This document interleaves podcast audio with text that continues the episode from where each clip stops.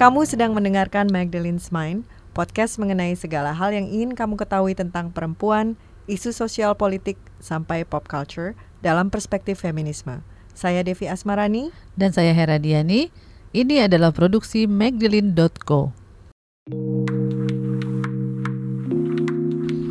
Dev, lu kan nggak tahun lalu ada berita tentang beras plastik yang beredar di Indonesia. Iya iya, gue gue inget banget karena tuh berita bikin heboh sampai orang-orang pada parno makan nasi. Lu ikutan juga nggak buat ngerendam berasnya? Enggak sih, tapi mungkin saat itu gue pernah ngasih tahu asisten rumah tangga Enggak, enggak, enggak bercanda. Iya, itu kan akhirnya tapi uh, terbukti bahwa beritanya palsu gitu alias hoax. Iya, memang dan banyak sekali berita-berita palsu yang beredar ya. Maksudnya uh, topiknya macam-macam mulai dari berita kesehatan, ada selebritis meninggal. Ingat nggak hmm, waktu iya. siapa siapa yang udah berapa kali iya, berkali-kali uh, dibilang meninggal? apa? Rest in peace ya, ternyata salah. Iya, kemarin juga ada yang kayak gitu, gue harus cek dulu. Uh, terus ada peringatan bencana sampai berita politik dan informasi palsu ini kadang bisa berakibat fatal ya. Kayaknya uh, gue pernah baca di India tuh sampai puluhan orang meninggal gara-gara korban hoax. Iya di Indonesia juga kayaknya ada ya seperti itu. Cuma berapa tahun belakangan ini fenomena hoax ini kerasa banget nih uh, kaitannya sama dunia politik. Ya benar dan fenomena ini juga nggak cuma terjadi di Indonesia aja.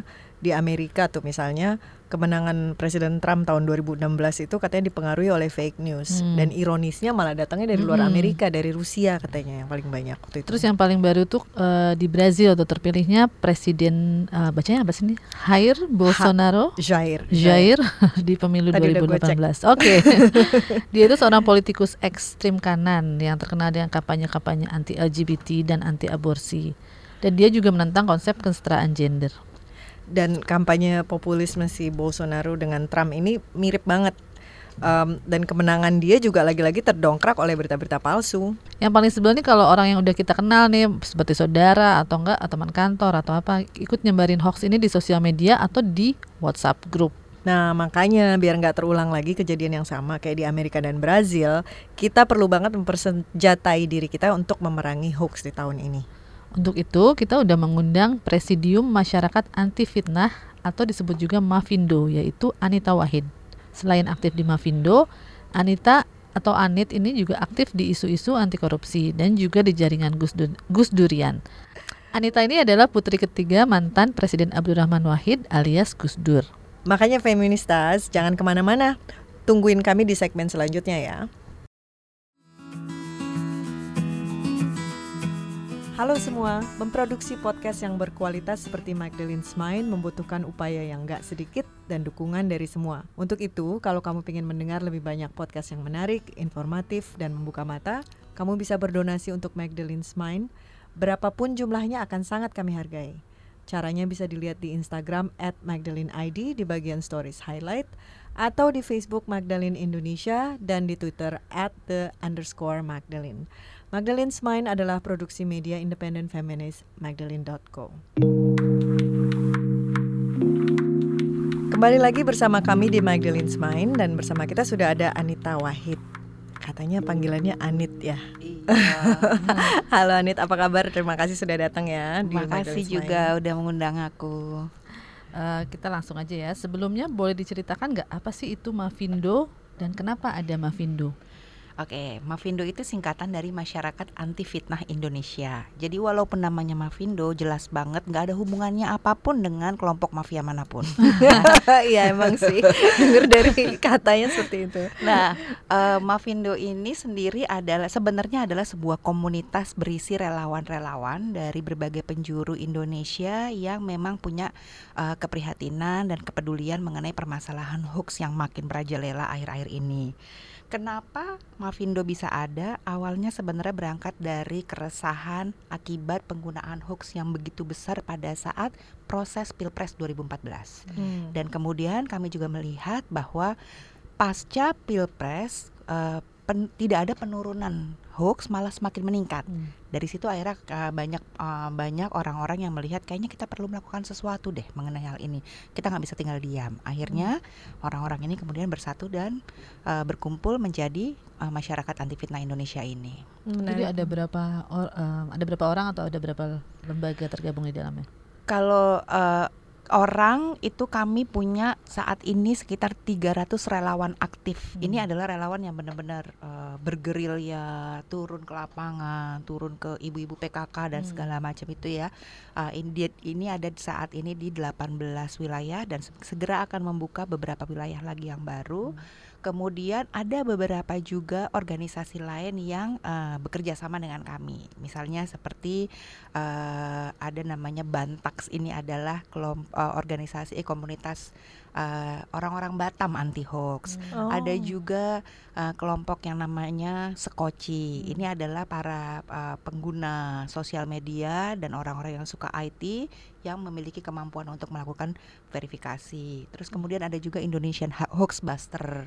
Jadi ada banyak sebenarnya gitu. Hmm. Ada juga Indonesian Hoaxes. Ini bergabung Hmm. dan uh, bekerja sama bersama kami. Hmm. Itu em, apa eh, berarti sistemnya gimana sih mereka melakukan dan apakah ada training atau bagaimana gitu? Uh, jadi sebagian besar relawan kami itu memang menerima training meng- me- untuk melakukan fact checking. Hmm. Trainingnya dari mana? Dulu kami difasilitasi oleh Google. Kenapa Google? Karena sebenarnya semua alat yang dibutuhkan untuk melakukan verifikasi itu sudah ada di internet. Hmm. Cuma kita nggak tahu Ya, gitu. ya, ya. Mungkin para jurnalis tahu karena mereka memang terbiasa melakukan itu. Hmm. Jadi memang kami di- eh, mendapatkan fa- fasilitas training tersebut. Selain itu eh, kami juga mendapatkan fasilitas training dari organisasi internasional yang namanya Pointer. Oh Hmm. iya Pointer Institute Pointer. ya? Ya, Pointer POYNTR. Yes, ya. iya, Po- POYNTR. Nah, dari situ kemudian kami mengaju- menga- mengajukan aplikasi untuk mendapatkan sertifikasi fact checking internasional dari yang namanya IFCN atau International Fact Checking Network. Dan di Indonesia itu baru berapa ya? Kalau nggak salah enam deh yang yang mendapatkan sertifikasi internasional dari IFCN ini. Uh, selain Mavindo, Mavindo satu-satunya organisasi yang bukan media Oh, yang dapat. oke. Hmm. Yang lainnya itu adalah tirto.id, kompas.com, eh, be- beberapa lainnya saya lupa ya Hmm. gitu. Mhm. Tapi kalau nggak salah totalnya ada enam. Hmm. Terus kemudian dari situ juga fact checkers kami kemudian mengajukan sertifikasi juga dari IFCN untuk menjadi fact checker in- eh, certified, inter- Hmm. internationally certified gitu. Kayaknya kita harus ini nih daftar juga nih di Iya. ASEAN. Boleh juga tuh. Biar makin banyak. Iya, emang benar.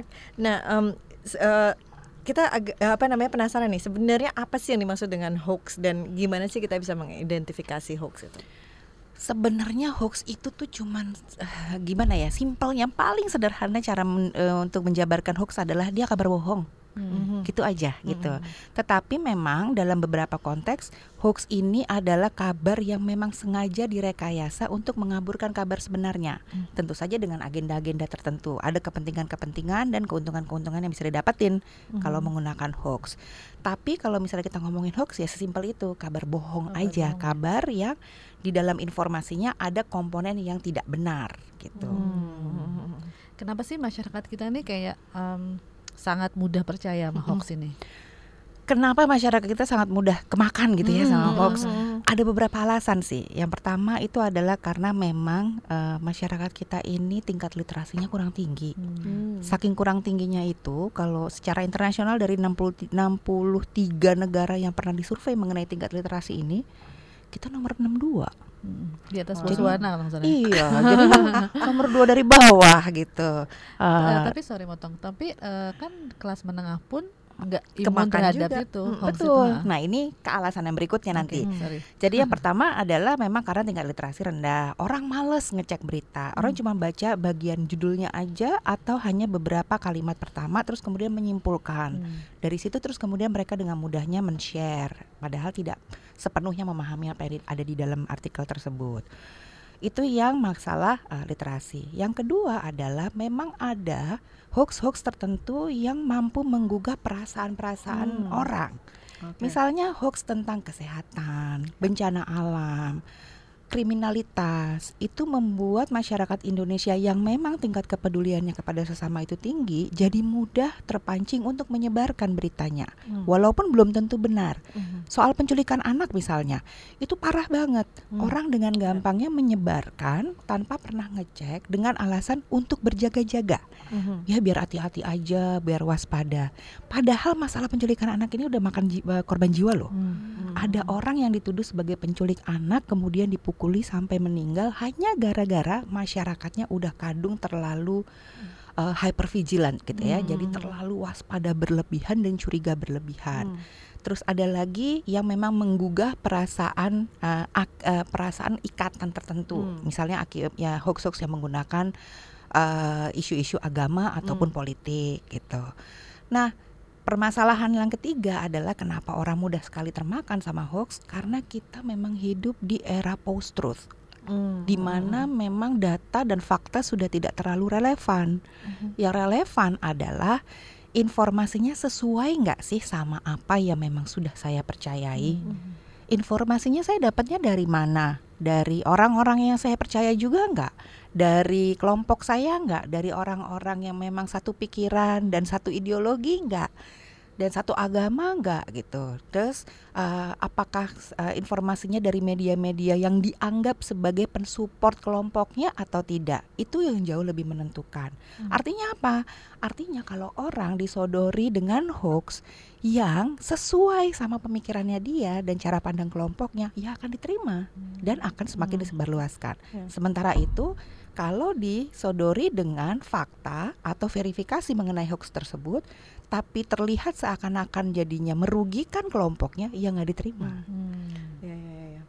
Ini yang bagian ketiga ini yang menyusah apa namanya membuat uh, pekerjaan seperti Mavindo ini lebih susah ya Iya, karena jadi mereka- jauh lebih rumit. Iya, jadi. Um, uh, yang sebenarnya kan sudah dari dulu ya udah ada kabar bohong itu maksudnya zaman dulu orang bisa kayak dulu ada isu misalnya itu bakso itu ada yang pakai minyak babi ya udah langsung sepi lah entah itu benar atau enggak gitu sebenarnya ada nggak sih bedanya sifatnya kabar bohong zaman sekarang sama zaman dulu gitu Sebenarnya kalau kita ngomongin kabar bohong kan udah dari zaman dahulu Hmm. kala sejak eh, apa namanya peradaban manusia berlangsung gitu ya dari zaman Hmm. nabi-nabi juga udah ada. Tapi bedanya adalah kalau dulu bentuknya gosip Ya. gitu, bergunjing mengenai tetangga lah, mengenai siapa lah tanpa pernah berpikir untuk memverifikasi atau menanyakan langsung kebenarannya kan gitu. Nah, bedanya sekarang sama sekarang sebenarnya beda, sama aja gitu. Nggak ada bedanya. Bentuknya adalah kecurigaan yang berlebihan mengenai seseorang. Nggak mau diklarifikasi tapi kemudian dibagikan kepada orang lain tapi yang membedakan adalah jangkauannya Hmm. karena kalau yang sekarang ini kabar bohong ketemu sama temen sahabat yang BFF banget namanya digital teknologi Hmm. gitu si di- di- si digital teknologi ini yang memungkinkan dia penyebarannya menjadi jauh lebih cepat, Hmm. jangkauannya jauh lebih luas dan hampir tidak ada biaya sama sekali. Hmm. ya ya ya Jadi teramplifikasi banget ya. Iya, dengan Hmm. sangat cepat. Mm-mm. Oke, eh, ini warming up-nya udah menarik banget nih di segmen-segmen berikutnya. Kita break dulu ya, Feministas. Jangan ke mana-mana. Um, ini hoax itu kan udah identik dengan um, politik, terutama Hmm. beberapa tahun terakhir ini. Bagaimana sih intensitas penyebaran hoax sejak tahun 2014 yang pada saat itu mulai teridentifikasi ya sampai menjelang pemilu tahun ini? Em, justru memang pada saat proses Pilpres 2014 ini kita baru kaget ya, kok ternyata hoax itu memang ter- dengan sengaja dipergunakan sebagai senjata kontestasi gitu. Itu saat itu kita baru terhenyak padahal sebenarnya kabar bohong juga udah dipakai di Pilpres-pilpres Ya. sebelumnya. Cuman karena memang teknologinya waktu itu belum sebegitu uh, dahsyatnya. 2009 apa sih uh, sosial media yang ada? Cuman Facebook sama Twitter, belum banyak yang pakai. Friendster? Oh. Friendster, benar. udah punah. Mungkin udah punah dari waktu itu 2009. Iya ya udah. udah. Eh, tapi 2014 tuh kita kaget kok banyak banget gitu dan cepat sekali. Tetapi ingat bahwa 2014 itu hoax sebenarnya tidak disebarkan hanya dalam um, mode online aja. Offline pun juga ada. Bentuknya apa? Selebaran yang dibagi-bagikan di depan Hmm. rumah ibadah, di alun-alun dan segala macam. Isinya fitnah mengenai kandidat-kandidat. Itu uh, juga cukup masif. Nah, eh, apa namanya? Dari sejak itu kan kami melihat bahwa memang hoax ini semakin besar nih gitu. Tapi memang Mavindo baru mulai mentrack secara serius hoax-hoax ini dari sejak pertengahan 2015. Nah, dari 2015 kami melihat peningkatan hoaxnya tuh mencengangkan. Kalau kita hitung rata-ratanya ya, ini hanya hoax yang berhasil ditangkap aja ya Mama Vindo ya. Kami nggak mengklaim bahwa kami tahu semua hoax yang sedang beredar nih, yang berhasil aja kami tangkap. Di tahun 2015 rata-rata per bulannya itu ada 10 hoax yang baru yang beredar. Gitu. Hmm. Kira-kira tiga hari sekali ada satu hoax gitu. Tahun 2016 naik jadi 29 hoax per bulan. Hmm. Berarti kira-kira hampir satu hari satu hoax gitu. One day one hoax lah itu. Hmm. Nah, kemudian eh, 2017, 2017 ini meningkat lagi jadi 59 hoax, hampir dua. Wow. dua hoax per Hmm. hari. Hmm. Dan di 2018 langsung meningkat dengan sangat eh, mencengangkan menjadi 94 hoax per Hmm. bulan. Artinya lebih dari tiga hoax per hari. Hmm. Nah, kalau data ini kemudian kita kita eh, lihat secara spesifik per bulannya, ada memang hoax eh, bulan-bulan tertentu di mana peningkatan hoaxnya itu luar biasa. Nah, kalau kita lihat itu ada itu selalu berkaitan dengan eh, peristiwa-peristiwa yang terkait antara terkait agama atau terkait politik. Misalnya contohnya tahun 2016 akhir ada peningkatan tinggi mengenai eh, eh, dalam hoax itu karena kasus Ahok. Hmm. Nah, hoax tentang Ahok banyak sekali waktu itu. Kemudian di pertengah eh, menjelang akhir 2017 ada peningkatan lagi eh, hoax gitu. Tapi nggak ada nggak ada masalah politik saat itu, nggak ada kasus politik. Yang ada adalah kasus pembantaian Muslim di Rohingya. Hmm. ya, ya, ya.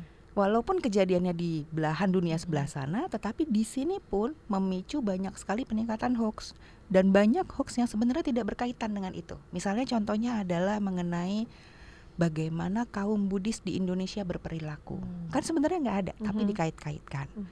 2018 kita melihat bahwa sepanjang tahun ini angka hoaxnya tinggi. Kenapa? Karena nggak berhenti persiapan pilkada serentak, Hmm. terus belum sempat istirahat dari pilkada serentak udah masuk ke pilpres, jadi selalu tinggi karena berkaitan dengan politik. Hmm. Gitu.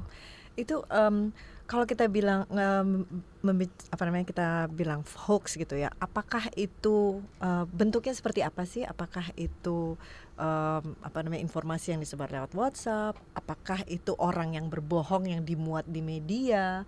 Atau misalnya contohnya kayak yang kasus Ahok ya, kan ada video yang sebenarnya video itu benar, tapi kan ada bagian yang diomit atau diedit atau apa. Nah bisa di ini nggak sih apa dijelaskan kategori yang masuk Kalau hoax kita bicara mengenai kategori hoax, sebenarnya ada dua nih yang bisa kita kita bisa bagi dua. Yang pertama adalah berita bohong yang eh, dengan sengaja disebarkan, tetapi sebenarnya tidak ada kepentingan di baliknya. Hmm. nggak ada nggak ada apa ya keuntungan. Contohnya apa? Misalnya telur palsu.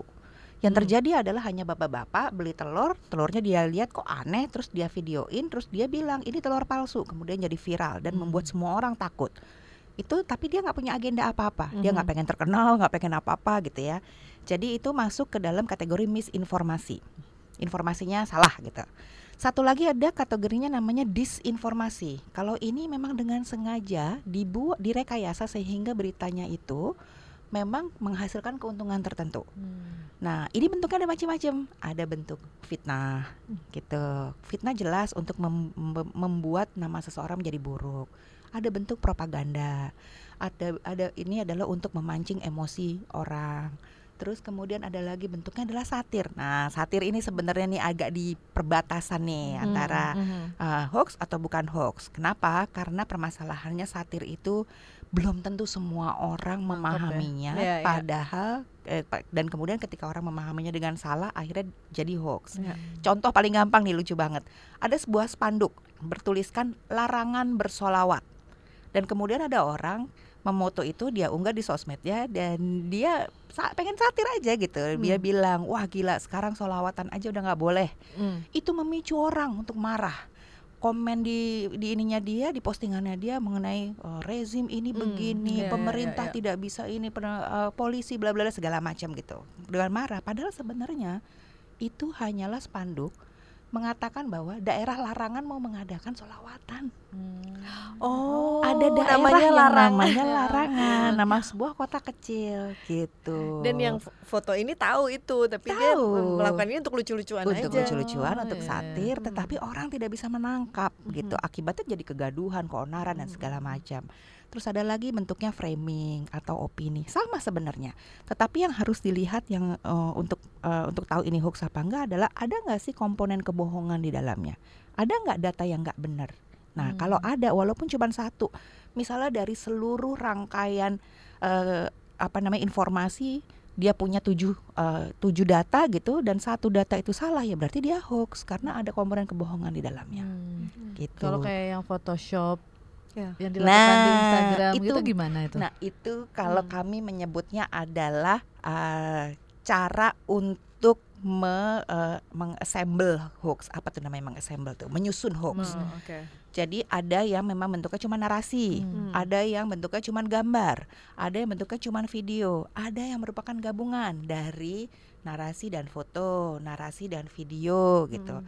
Nah, memang trikinya adalah semuanya itu bisa diedit gitu. Hmm. Video Hmm. bisa diedit, foto bisa diedit. Jadi memang kalau buat fact checkers kami yang paling menantang adalah video. Kenapa? Hmm. Karena dia harus ngeliatin tuh detik Iya, per Ya, detik ya, ya. dan benar-benar melihat editannya di mana gitu. Hmm. Memang sekarang ini uh, ala- uh, syukurnya udah banyak sekali sih alat yang membantu gitu ya. Hmm. Ada beberapa aplikasi yang akan langsung ngasih tahu bahwa oke video ini udah diedit, Oh, tapi gitu. kita harus memantengin bener-bener tuh mana nih bagian yang udah diedit gitu. Hmm. Nah kalau ini balik lagi kalau ke medi- media, ini kan ada beberapa berita bohong. Iya. Bukan mungkin narasumbernya yang berbohong atau medianya yang framing. gitu. Nah itu gimana tuh? Eh, maksudnya kalau saya bilang media itu artinya media massa ya. Mm-mm. Itu bagaimana? Apakah banyak juga? Apakah media punya peran yang cukup besar juga dalam penyebaran hoax ini? eh bisa dikatakan begitu walau nggak sepenuhnya seperti itu ya. Em, memang sekarang ini kan yang lebih banyak eh, dijadikan sebagai referensi itu media online. Cuma media online ini kan memang kejar-kejaran dengan waktu gitu. Hmm. Beda dengan misalnya media cetak yang dia punya tenggat waktu sampai jam berapa nih akan masuk dan segala macam. Tapi kalau media online adalah semakin cepat dia men- menayangkan sebuah berita maka itu semakin valid bu eh semakin bagus lah gitu ya Hmm. buat dia buat ratingnya dan segala macam tetapi masalahnya adalah kadang-kadang memang bersua, sebuah peristiwa itu menu, harus menunggu verifikasi dulu Hmm. sebelum ditayangkan jadi sering kali sudah diberitakan bahwa ada suatu kejadian A yang sebenarnya terjadinya tidak A misal ternyata terjadinya adalah B tapi permasalahannya adalah gini media punya mindset bahwa nggak apa-apa saya pasang aja dulu. Nanti kan kalau sudah ada verifikasi dari Ya. pihak yang berwenang nanti bisa dijelaskan Diralat, oleh mereka gitu. Masalahnya di sini kalau yang berita si A sudah menyebar dengan sangat masif, berita yang selanjutnya yang memverifikasi berita tersebut itu tidak bisa membersihkan Hmm. hoax yang sudah tersebar. Hmm. Tidak bisa membersihkan orang-orang yang sudah kandung percaya dengan berita tersebut. Itu di situ masalahnya. Hmm. Eh, tadi kan kita udah bahas soal apa yang eh, ke- karena pe- pemahaman literasi yang kurang dari masyarakat dan sebagainya. Tapi siapa sih kelompok masyarakat yang paling rentan terkena hoax ini? Ada Semua. nggak? semua, ya? Semua, iya. Rata ya, Iya, rata. iya. Pokoknya semua orang yang eh, yang nggak punya nggak mau rajin ngecek nggak mau Hmm. rajin baca ya pasti akan Hmm. sangat rentan mau apa pun pendidikannya bahkan tingkat profesor aja bisa dengan mudah terkena hoax kenapa ya karena era postur postur tadi Hmm. kalau misalnya dia dikasih berita yang sesuai dengan apa yang dia percaya ya diterima aja gitu Hmm. apalagi kalau malas ngecek apalagi kalau ngeceknya cuma mau ke media-media yang dia percaya aja Hmm. Nah, cuman memang kalau kita melihat usia gitu eh ada yang menarik eh, perbedaan antara kelompok senior dengan kelompok eh, yang muda gitu ya. Kalau kelompok senior atau eh, pasca muda ini eh Kurang lebih berapa umurnya? Jangan-jangan kita masuk. mereka ini adalah orang-orang yang memang dibesarkan pada saat me- menerima informasi itu harus melalui jalur-jalur resmi seperti Hmm. koran, Ya, ya. TV, radio gitu, majalah. Nah, ini adalah orang-orang yang sudah terbiasa melihat bahwa pembuat berita, pembuat informasi itu ada kantornya, ada dewan redakturnya, wartawannya ada, wartawannya sudah ngecek ke sana sini, jadi bisa dianggap bahwa berita yang dipasang di media mereka itu valid gitu. Hmm. Terus mereka memasukilah med- um, era digital di mana informasi banjir dari mana-mana, tapi mereka memperlakukan informasi itu seakan-akan seperti media formal sebelum-sebelumnya. Jadinya gampang banget kemakan hoax. Itu kalau untuk yang senior. Kalau yang muda agak beda ininya karakteristiknya. Karakteristiknya itu gini. em, anak-anak muda ini punya kecenderungan dan punya pemahaman bahwa memang gue harus ngecek nih berita Hmm. gitu. Apa pun informasi yang masuk memang harus gue cek. Tapi penelitian menunjukkan bahwa ketika mereka ditanya ngeceknya ke siapa, ke mana, Hmm. ke temen. Hmm. Oh. Jadi kalau temennya sudah terpapar hoax ya wassalam iya, iya, gitu. Jadi sebenarnya di anak muda itu bergantung kepada kepercayaan terhadap peersnya, sementara kalau di kelompok senior itu kepercayaan terhadap semua orang yang dia anggap sebagai pembuat informasi. informasi. Wow. Nah, berhubungan dengan itu, jadi gimana caranya mengedukasi masyarakat atau gimana sih caranya memerangi ini gitu? Kalau kami di Mavindo itu em, terutama sekali nih ya kalau sekarang konteksnya kan adalah politik ya kontestasi politik yang juga eh, sebenarnya berkelindan dengan kontestasi agama gitu.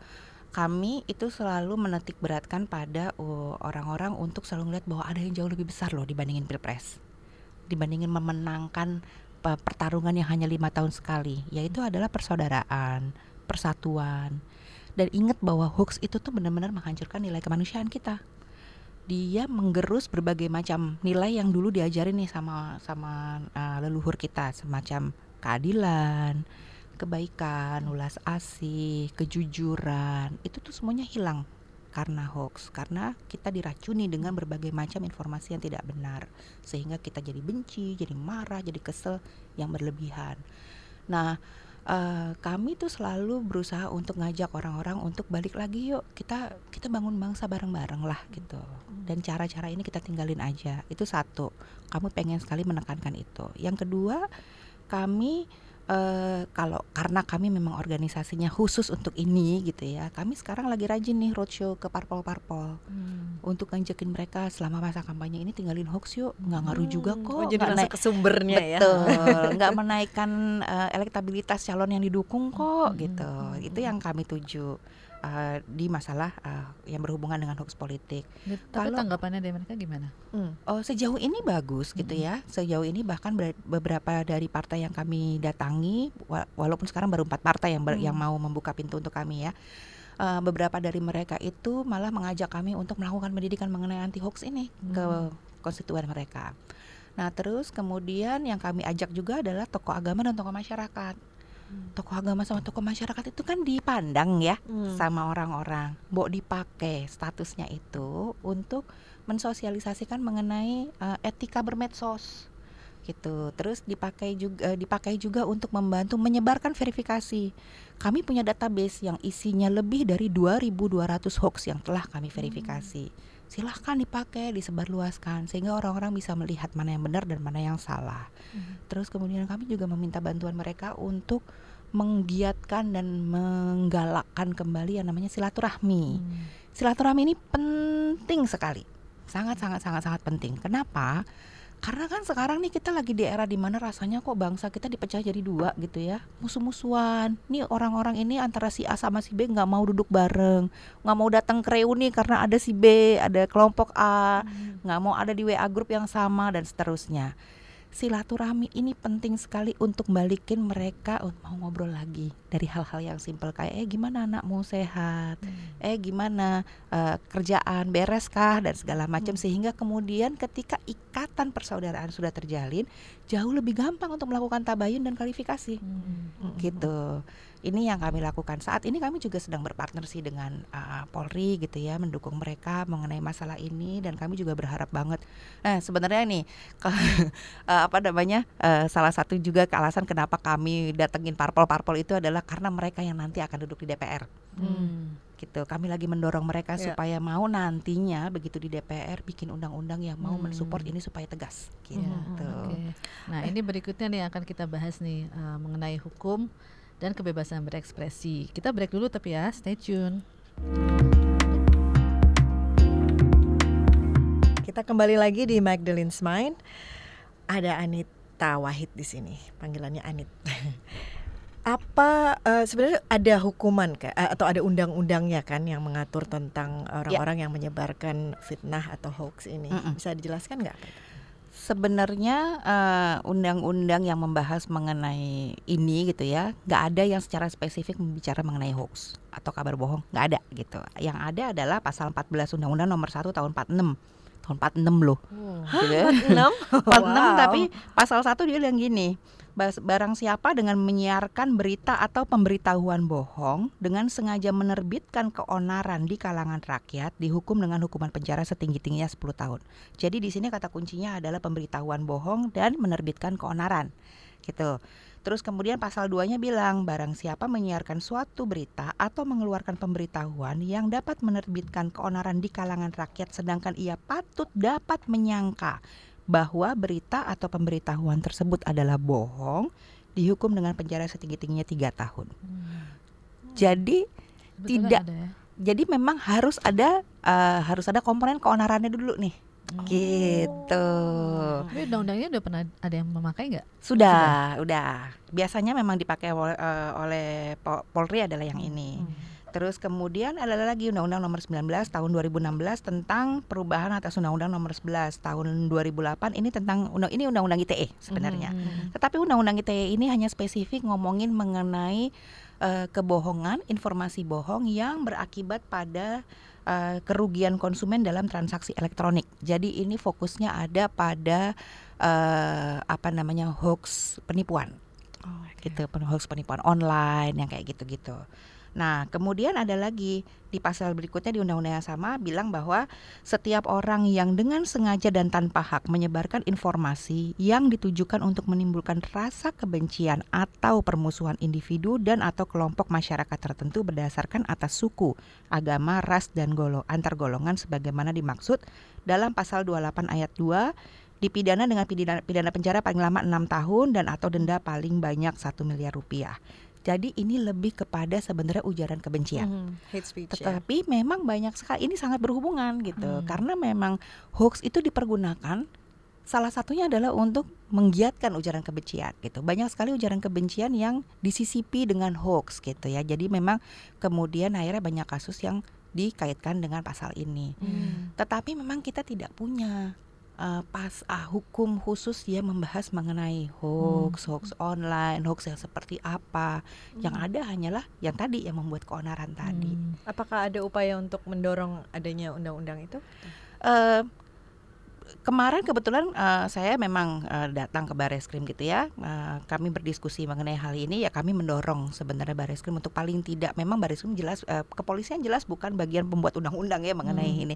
Tapi paling enggak mereka bisa mulai membuat draft. Hmm. gitu untuk kemudian diajukan Iya. kepada eh, un- eh, kepada DPR gitu. Hmm. Eh, paling nggak kita sudah punya eh, apa ya langkah menuju ke sana. Hmm. Tetapi memang nanti memang sangat bergantung kepada kualitas DPR berikutnya yang akan kita pilih nih. Hmm. Gitu. Mhm. Mhm. Tapi aparat kepolisian ini kayaknya eh, kelihatannya udah mulai tanggap nih mengenai eh, penyebaran hoax. Hmm. Eh, seberapa efektif sih ini eh, upaya ini dan soalnya kita sih melihat kesannya sering kali yang ditangkap tuh yang eh, orang-orang yang di bawah gitu bukan yang mastermindnya.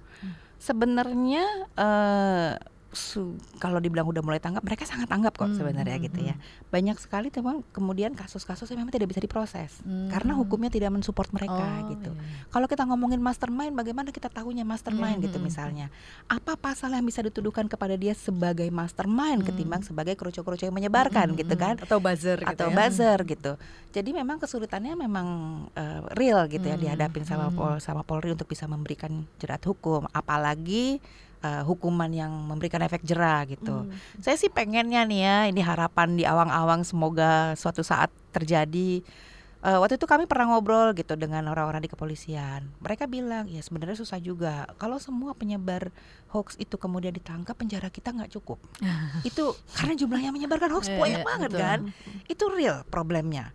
Jadi saya pengen gimana kalau misalnya undang-undang kita tuh agak-agak sedikit inovatif gitu dan Hmm. kreatif. Misalnya bikin undang-undang siapa pun yang menyebarkan berita hoax yang ketahuan pertama kalinya langsung didenda 100 juta Hmm. misalnya dan itu akan berlipat kumulatif Hmm. gitu Hmm. misalnya. Untuk yang kedua kalinya ketahuan lagi jadinya 200 Hmm. dan seterusnya. Jadi lebih Pasti ke kan ini ya, sanksi, denda iya, finansial. menahan orang untuk Iya. mikir kan Iya. gitu nggak mau lah kehilangan 100 juta hanya gara-gara sebuah informasi Iya, yang iya. di forward gitu Nah, terkait dengan itu juga nih, kesigapan aparat menangani penyebaran hoax kan juga ada risiko mengkriminalisasi orang-orang yang menyebar informasi yang kritis gitu. Betul. Mungkin protes ke pemerintah atau apa gitu, lembaga.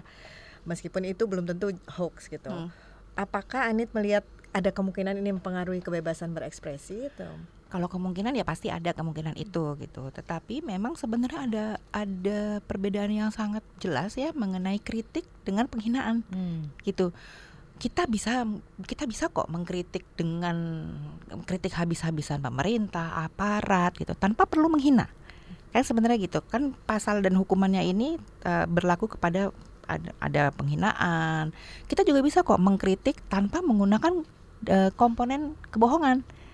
Nah, saya rasa sih kalau misalnya memang semua kritikan-kritikan itu dilakukan tanpa hinaan, tanpa menggunakan data-data yang bohong, sebenarnya nggak akan kenapa-napa juga. Yang menjadi khawatir itu adalah justru ketika kita terbiasa mengkritik dengan memaki-maki, menghina-hina, Hmm. terus kemudian menggunakan kata-kata yang bahkan sudah sangat tidak manusiawi, terus ditambah dengan eh, bumbu-bumbu hoax. Ya. Hmm. Nah, dan bohong gitu ya. betul. Abis itu masyarakat sangat terbiasa sama itu. Wah, itu benerinnya jauh lebih sulit. Ya, ya. Gitu. Hmm. Itu udah bukan lagi kritik, itu memang mau Mhm. eh, menyakiti gitu. Hmm. Menarik banget nih. Nah sekarang eh, contohnya saya misalnya gitu ya, misalnya saya dapat sa- satu informasi, terus saya ingin ngecek ke absaha, eh, kes- kebenaran dari informasi itu. Gimana sih caranya? Paling gampang, Mm. Paling gampang itu masuk aja ke turnbackhoax.id. Itu Turnback adalah database kami semua hoax yang sudah pernah kami tangkap dan kami verifikasi. Turnbackhoax.id. Itu, dari salah satu- Mavindo atau Ini dari Mavindo. Oke. Ini dari Mavindo. Hmm. Selain itu, Mavindo juga bekerja sama dengan 22 media online untuk memverifikasi data. Ada lagi cekfakta.com. Hmm. Itu juga bisa dipakai. Ini kerjasama nih dengan para jurnalis di seluruh di media-media seluruh Indonesia Itu di ini. situ ada apa kayak taruh keyword aja gitu? Tinggal masukin keyword, misalnya nerima apa? Nerima hoax mengenai cumi-cumi raksasa, masukin aja cumi-cumi raksasa. Jadi gitu. macam-macam ya, nggak hanya politik Macam-macam. ya. Oh. Semua hoax dari yang nggak penting sampai dari politik, agama, kesehatan, bahkan sampai peristiwa ajaib. Oh, Oke. Ya namanya Indonesia pasti ada kategori ini. Cumi-cumi ajaib. Cumi-cumi ajaib cumi-cumi gitu. raksasa. Terus ada lagi kalau buat pengguna handphone an- Android bisa install aplikasi yang namanya Hoaxbuster Tools. Hmm. Ini juga alat untuk uh, mengecek berita. Kalau misalnya udah ngecek di tiga tempat itu ternyata yang mau dicari nggak ada, laporin aja ke situ, Hmm. Oke. gitu. Dilaporin, eh infonya apa dari mana segala macam, fact checkers kami akan segera melakukannya. Itu yang paling gampang. Hmm. Cara yang uh, kalau misalnya nggak ada semuanya itu gitu ya, ya pertama adalah rajin-rajinlah mengecek berita. Kalau ngecek, misalnya nerima informasi, diceknya jangan dari berita dari golongan sendiri, tapi semuanya Hmm. biar paling tidak menerima informasi yang berimbang. Terus kemudian lihat kalau beritanya sedang viral, viralkan Hmm. gitu. Nomor 5 akan membuatmu terkejut dan segala macam kayak gitu-gitu. Udahlah lupakan aja. biasanya. iya, lupakan aja lah, nggak nggak layak buat dibaca gitu. Eh, Terus kemudian ada lagi kalau misalnya mau baca eh mau lihat eh eh, gambar misalnya. Gambarnya bener apa enggak? Ada beberapa alat yang bisa dipakai. Misalnya Google Reverse Image. Hmm. oh, Gitu. Itu ngapain tuh Google Reverse? kalau masuk ke? Google Reverse Image kita tinggal upload aja. Dia akan bilang upload gambar. Ya udah kita tinggal upload ke situ. Buat Terus tahu bahwa itu dia akan atau ngeliat eh, dia akan ngasih lihat ini sum ini dari mana aja? Hmm. siapa aja yang sudah pernah mengedarkan Jadi ini bisa di trace gitu bisa di trace sumbernya. mana yang paling awal mana yang paling tua gitu. Ada lagi eh, namanya Easy True I Z I T R U itu bisa dipakai untuk melihat apakah eh, gambar atau videonya sudah pernah diedit atau belum Hmm. terus apa lagi ya hmm, udah sih sebenarnya Hmm. simple gitu itu nggak nggak rumit yang yang paling rumit itu adalah untuk bersedia mau meng- mengambil informasi itu yang rumit Iya. yang Yang berat rumit lagi sebenarnya ngasih tahu orang bahkan udah bilang ini hoax, ini buktinya. Hmm. Tapi ini eh, apa kejadian beneran Iya. eh, dibilangnya nggak apa-apa kalau untuk kepentingan umat. Eh, Nah, itu juga tuh gitu. Kan sebenarnya umat yang mana Umat ya? Yang mana? Umat yang mana yang kepentingannya diper- menggunakan hoax gitu kan gitu. Enggak.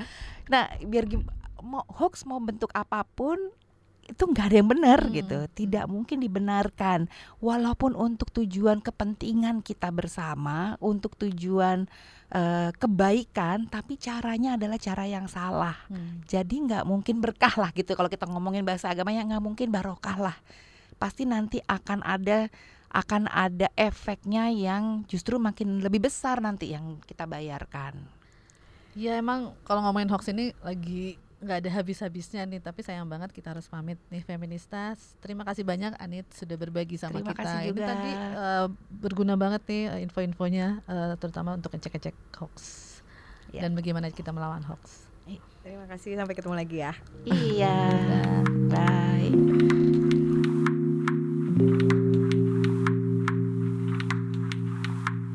Bye. Sekarang kan kita udah tahu cara melawan hoax ya, paling nggak untuk melakukan fact check secara cepat. Jadi saya Devi Asmarani dan Hera Diani mau pamit undur diri dulu. Jangan lupa dengarkan kita dua minggu lagi. Kita akan bahas hashtag relationship goals. uh sampai ketemu Bye.